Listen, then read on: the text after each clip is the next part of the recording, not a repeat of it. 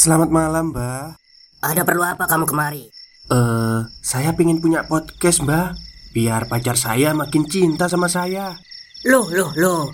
Mau bikin podcast kok tanya dukun? Sekarang kamu download aplikasi Anchor.fm. Di situ kamu bisa buat podcast gratis dan podcast kamu bisa didistribusikan ke platform mana pun. Dan di aplikasi atau website Anchor.fm juga terdapat fitur-fitur yang memudahkan kamu untuk membuat podcast. Oh, gitu ya, Mbak. Kalau gitu, saya boleh minta password wifi-nya, Mbak. Buat apa? Buat download Anchor.fm, Mbak.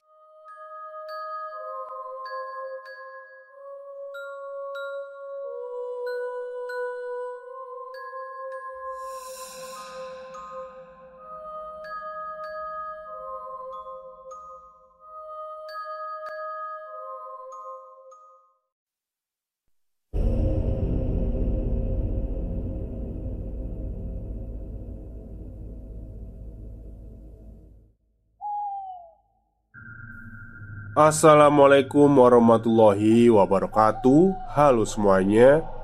Jumpa lagi dengan saya Chow Sing Sing Kurator dari podcast Horror Night Story. Halo apa kabar semuanya? Semoga kalian semua baik-baik saja ya. Dan seperti biasanya Pada siang hari ini Saya kembali dan akan menghadirkan Sebuah kisah mistis untuk kalian semua Kisah mistis kali ini saya ambilkan dari tweet twitternya Mas Miftah Yang menceritakan tentang pendakian. Dan sebelumnya saya mohon maaf karena Dua hari kemarin ya saya tidak upload. Ya kalian tahulah karena kesehatan saya belum pulih 100% Dan hari ini pun sebenarnya sama ya Tapi udah mendingan lah daripada yang kemarin saya juga kangen sama kalian sebenarnya. Jadi uh, buat kalian yang sekarang sehat itu makanya dijaga. Jangan makan sembarangan. Terus jangan suka begadang ya. Itu juga berpengaruh pada kesehatan kita gitu. Tapi nanti kalau di dalam cerita mungkin ada ini ya intonasi saya agak berbeda sih seperti dari seperti biasanya. Jadi mohon dimaklumi aja karena ya ini tadi karena tenggorokan saya belum kembali sepenuhnya. Oke, daripada kita berlama-lama, mari kita simak ceritanya.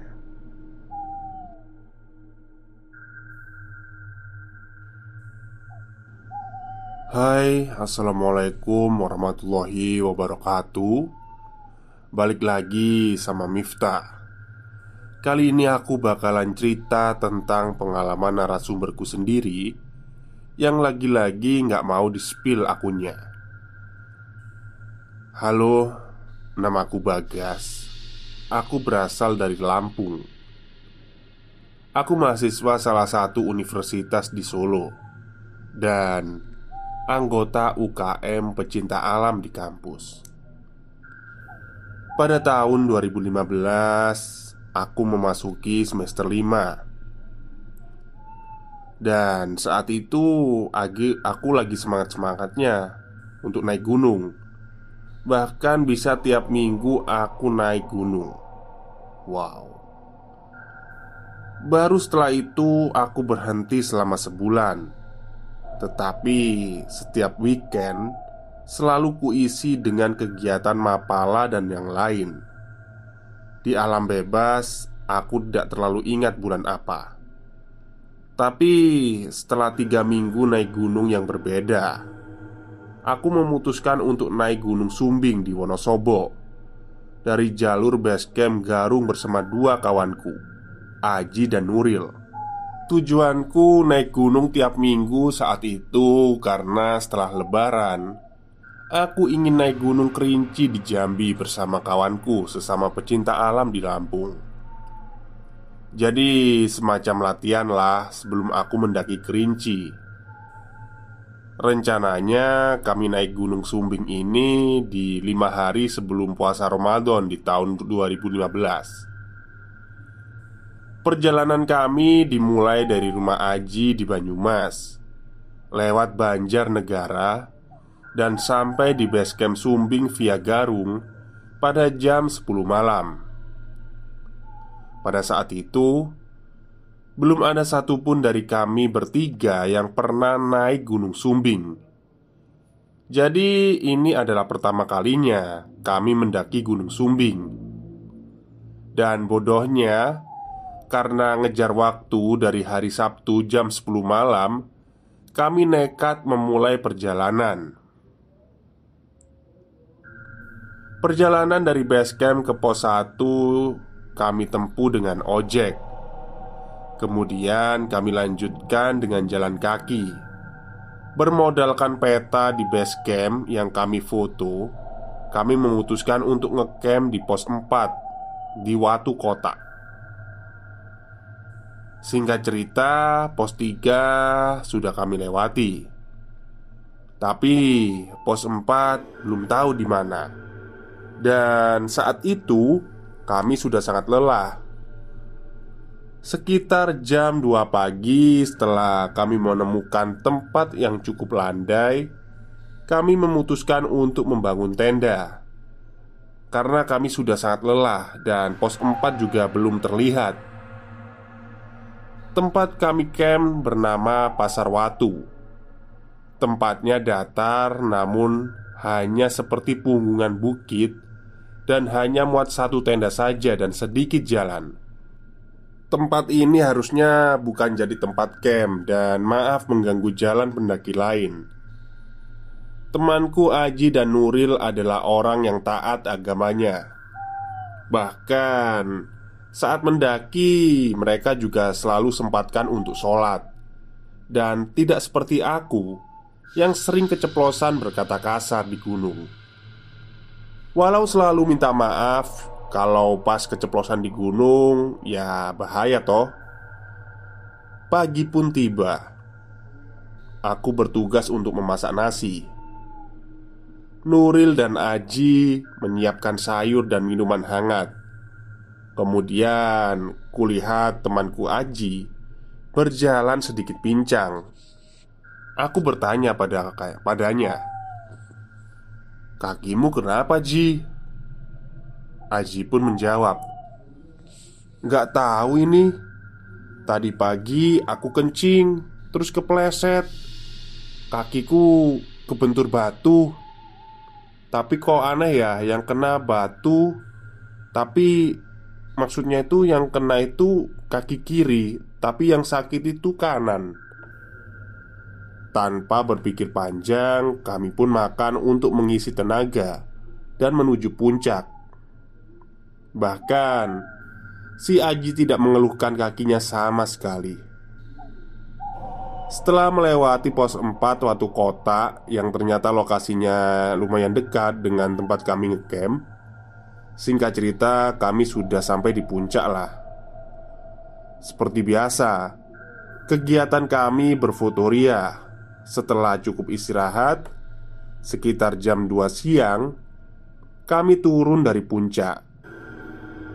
Dan di sini keanehan mulai terjadi.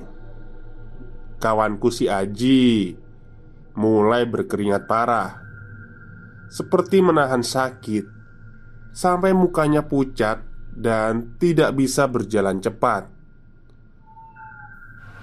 Karena Aji mengalami cedera di kaki, jadi untuk mempersingkat waktu, aku memutuskan untuk turun terlebih dahulu ke camp. Sekalian, aku mau masak dan beberes agar nanti saat mereka sampai, semua sudah siap. Setelah menunggu cukup lama, sekitar jam 4 sore, Akhirnya mereka sampai. Aji langsung merebahkan dirinya di dalam tenda yang sudah kulepas framenya. Tinggal dilipat aja. Kemudian kami makan bersama. Tapi anehnya Kawanku si Aji ini mulai tidak bisa diajak bercanda. Dia lebih banyak diam dan tidak seperti biasanya. Saat itu aku hanya berpikir Mungkin dia jadi lebih banyak diam karena kelelahan, apalagi kakinya sedang sakit. Oh ya, aku lupa bilang. Kalau sebelum kami memulai pendakian, aku selalu briefing kawan-kawan agar nanti saat mendaki, hal janggal apa pun yang bakalan kami alami, lihat atau dengar disimpan dulu di hati. Baru cerita kalau kami sudah turun. Setelah selesai makan, kami packing barang bawaan dan segera turun ke pos 3. Pos itu tampak tidak begitu jauh. Mulai turun dari pasar Watu, Aji sudah tidak mau diajak ngobrol. Bahkan hanya menjawab dengan anggukan atau gelengan saja. Muka si Aji juga pucat sampai ke bibir, seolah-olah kami sedang bersama orang lain. Padahal Aji adalah anak yang ceria dan suka bercanda denganku. Saking lamanya berjalan, kami sampai di pos 3 saat matahari mulai tenggelam.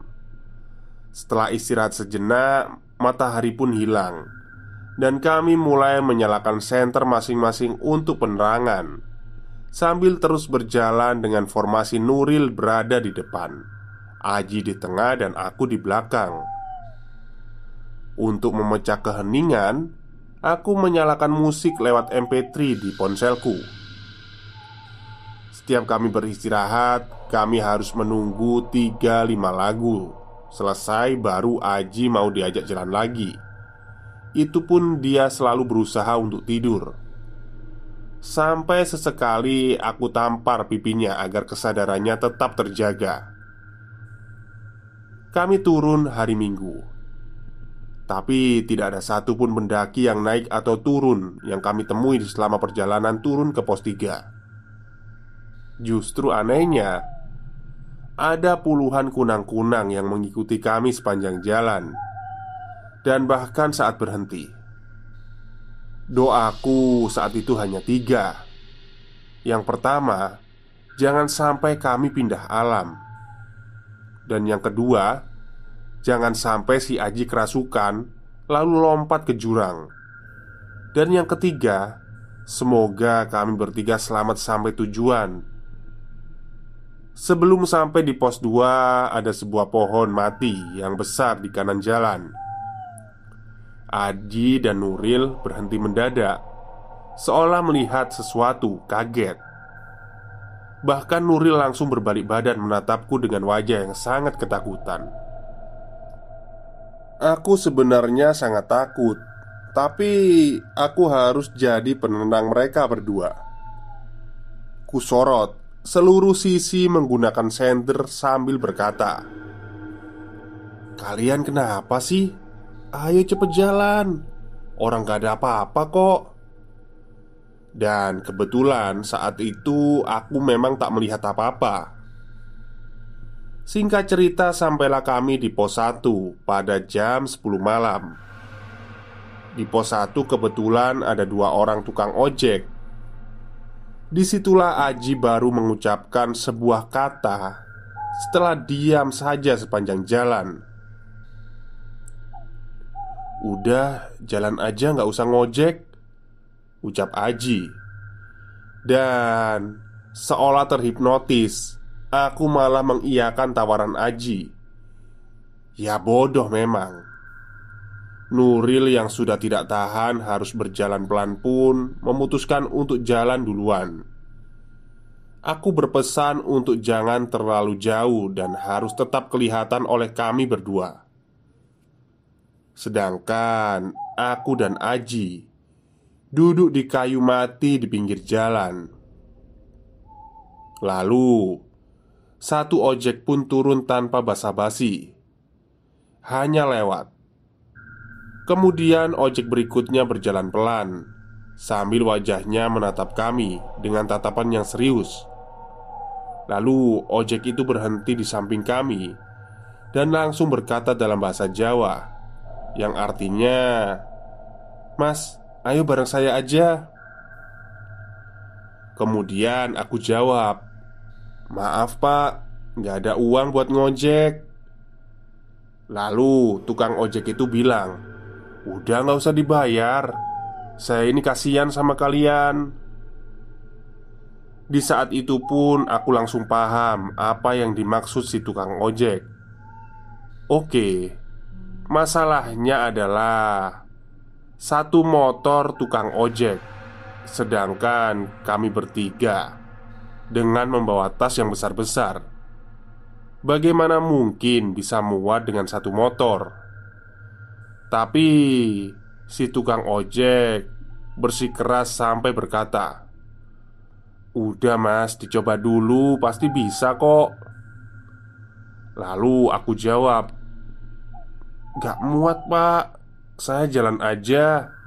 Yang penting kawan saya berdua ini bisa sampai di base camp." Tapi si tukang ojek itu masih ngotot. Akhirnya, karena aku males berdebat, aku panggil Nuril dan bilang, "Eh, tasmu enteng kan? Sini aku bawa. Kamu bawa tasku dan naik ojek sama Aji." Kemudian Nuril pun mengiyakan. Kemudian aku berbalik ke tukang ojek dan berkata, "Pak, saya minta tolong. Yang penting teman saya berdua ini Bapak antar sampai ke base camp. Saya jalan kaki aja pak, nggak apa-apa." Sambil berjalan turun Kemudian si tukang ojek pun menaruh tas mereka berdua di tengah motor dan membonceng kedua temanku Dengan posisi Aji di tengah dan Nuril di belakang Setelah itu Tukang ojek mulai jalan dan memepetku yang sedang jalan kaki sambil berkata Mas, deket sini dulu saya mau ngomong dengan deg-degan sekaligus penasaran, aku menjawab, "Ada apa ya, Pak?" Kemudian si tukang ojek itu membaca mantra menggunakan bahasa Jawa tepat di depan wajahku. Stop, stop. Kita break sebentar. Jadi gimana? Kalian pengen punya podcast seperti saya? Jangan pakai dukun, pakai Anchor.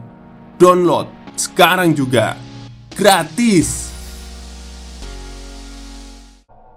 Aku hanya terbengong, diam, takut, bingung, dan lelah. Semuanya campur aduk. Lalu tukang ojek itu mengusapkan tangannya ke wajahku sampai turun ke dadaku. Dan itu membuatku semakin gak bisa berkata apa-apa. Lalu si bapak tukang ojek berkata, "Ya udah Mas, jangan khawatir.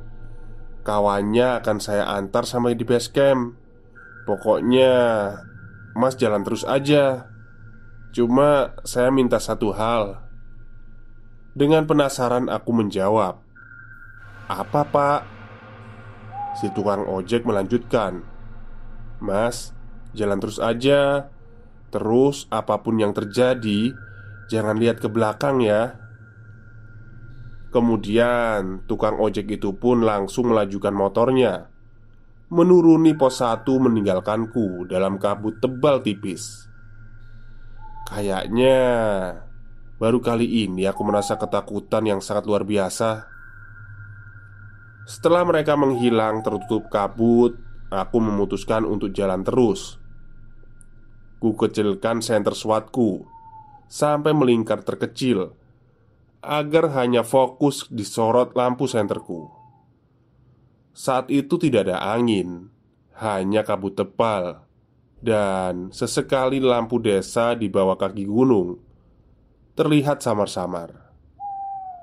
Yang kujadikan semangatku untuk segera sampai di base camp. Sialnya, baru beberapa menit berjalan, Rambutku yang dulu sebahu seperti ada yang membelai dari belakang. Bahkan aku bercerita seperti ini pun aku merinding. Kejadian rambutku dibelai entah oleh siapa ini bukan cuma terjadi sekali tapi berkali-kali. Seolah dia bilang, "Nengok ke belakang sini," gitu loh. Bulu kuduku merinding, pikiranku ke mana-mana. Tubuhku kaku dan mulutku membisu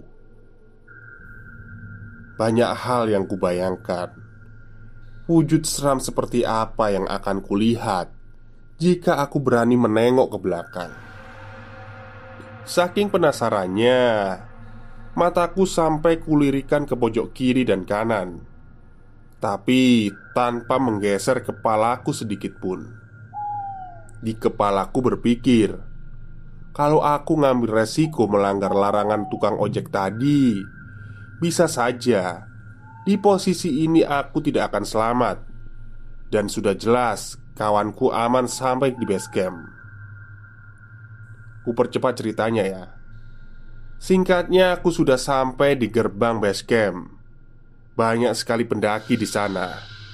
Kulihat satu persatu dari mulai tas dan wajah tiap orang, tapi kedua kawanku tak kunjung terlihat. Aku berpikir mungkin saja mereka berada dalam base camp. Kemudian, aku berdiri di pintu base camp sambil melihat tiap orang, tapi aku juga tidak melihat kawanku di sana. Aku keluar lagi mencari tongkrongan tukang ojek di depan base camp. Hah, gak ada juga ternyata. Di situ aku mulai panik. Aku berpikir, jangan-jangan cuma aku yang selamat, atau jangan-jangan tukang ojek tadi itu jadi-jadian, dan segala kemungkinan ada di kepalaku campur aduk. Akhirnya, Aku mencoba untuk menenangkan diriku. Aku taruh tasku di tiang base camp. Aku lepas sepatuku, ku pakai sendal dan berjalan ke WC base camp. Tak lupa aku cek lagi apakah temanku ada di WC. Tapi ternyata hasilnya nihil, tidak ada di sana. Setelah aku cuci kaki, tangan, aku kembali lagi ke dalam base camp dan duduk bersandar sambil bengong. Saat aku bengong, ternyata tiba-tiba dua kawanku si Nuril dan Aji masuk ke base camp dan reaksi mereka itu kaget melihatku saat berada di base camp. Aku pun kaget karena bagaimana mungkin aku bisa sampai duluan di base camp. Padahal mereka berdua naik motor sedangkan aku hanya jalan kaki. Oh ya, Perjalananku dari pos 1 ke base camp itu setengah jam Tepatnya jam 10 malam. Aku sudah sampai di base camp. Aji yang wajahnya sekarang terlihat lebih segar Dan sudah tidak terlihat seperti mayat hidup bertanya padaku Loh, kok kamu di sini? Padahal aku baru mau masuk ke base camp ngambil motor buat jemput kamu. Kemudian ku jawab Udah, Duduk dulu kalian berdua. Harusnya aku yang nanya ke kalian Kok kalian baru sampai? Padahal kan pakai motor. Akhirnya kami duduk di base camp sambil bercerita Tentang apa yang terjadi selama perjalanan. Pertanyaan pertamaku Kalian dari mana saja? Kok baru sampai? Kemudian mereka menjawab kami tadi diberhentiin di musola sebelum ke base camp. Terus ditanya sama bapak ojek Kalian muslim kan? Kalau muslim kalian sholat isya dulu. Nanti bapak bantu ngobatin katanya. Setelah selesai sholat badanku udah seger lagi Ucap Aji. Kemudian tukang ojeknya berkata Gimana udah enakan badannya? Udah pak Jawab Aji. Kemudian Aji bertanya Boleh saya tahu kenapa pak? Kok badan saya ini kayak bukan milik saya gitu loh. Kemudian dijawab sama si tukang ojek Oh biasa mas. Hal kayak gitu emang resiko pendakian. Masnya cuma lagi apes aja. Tapi nggak apa-apa. Saya udah pulangin penunggu gunungnya Kawanku Aji malah nanya gini Emang wujudnya gimana pak yang nempelin saya? Lalu dijawab sama si tukang ojek Wujudnya itu perempuan mas Tapi mukanya setengah kucing hutan Nah, lalu Nuril mengatakan Tahu nggak mas Yang sebelum pos 2 tadi kami kaget Sampai aku nengok ke mas itu Ya karena kami ngelihat cewek yang di atas pohon itu mas. Kayak senyum-senyum dia Karena kayaknya mas gak ngelihat jadi aku diem aja lah. Sesuai perjanjian kita sebelum pendakian. Anjing emang. Kalau aku ngelihat ya nggak mungkin lah. Aku berani mau jalan sendirian dari pos 1 ke base camp. Apalagi jam setengah 10 malam. Ucapku dalam hati Terus Aji menimpali dengan berkata Gas, makasih banget ya Kamu udah mau namparin aku. Setiap aku mau tidur saat kita istirahat. Tapi itu aku kayak berusaha banget buat ngejaga kesadaran Tapi susah. Untung aja kamu tampar-tamparin.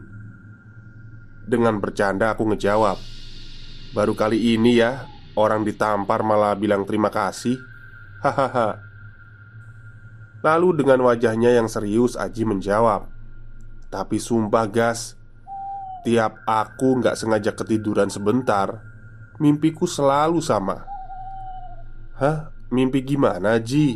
Sautku Aku selalu mimpi kayak di jalan setapak yang gelap Aku cuma jalan aja Ngikutin kakek pakai pakaian adat Jawa dengan lampu minyak tanahnya Dan Sesekali aku mimpi nonton wayang Tapi nggak ada yang mainin alat-alatnya. Jadi wayangnya itu bergerak sendiri gitu Ucap Aji Sambil menahan air mata. Aku berkata pada Aji Alhamdulillah cuk Untung banget kamu gak bablas.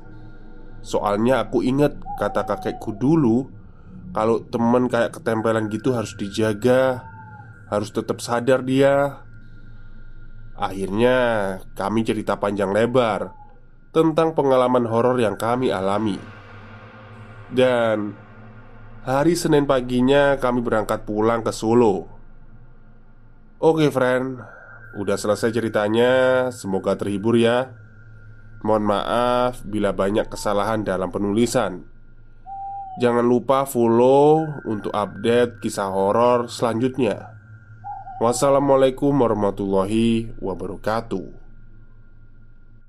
Baik, itulah kisah mistis yang dialami Mas Miftah ya Oh, Bagas maksud saya ya waktu mendaki di Gunung Sumbing. Maksudnya itu Miftah ini penulis tweet Twitternya.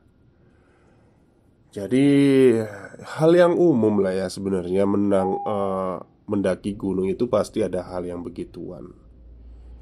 Cuman kan yang pernah ada sih yang lebih ekstrim lagi tuh banyak sebenarnya. Oke, mohon maaf ya jika uh, udah berapa hari nih ya? Dua hari lagi ya saya nggak upload.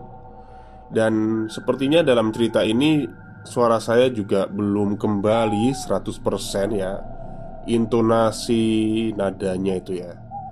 Ya ini lagi proses penyembuhan soalnya Terima kasih juga yang sudah selalu menunggu updatean dari channel saya Semoga kalian diberi banyak rezeki dan kesehatan Amin Oke, mungkin itu saja cerita untuk siang hari ini. Kurang lebihnya saya mohon maaf. Wassalamualaikum warahmatullahi wabarakatuh.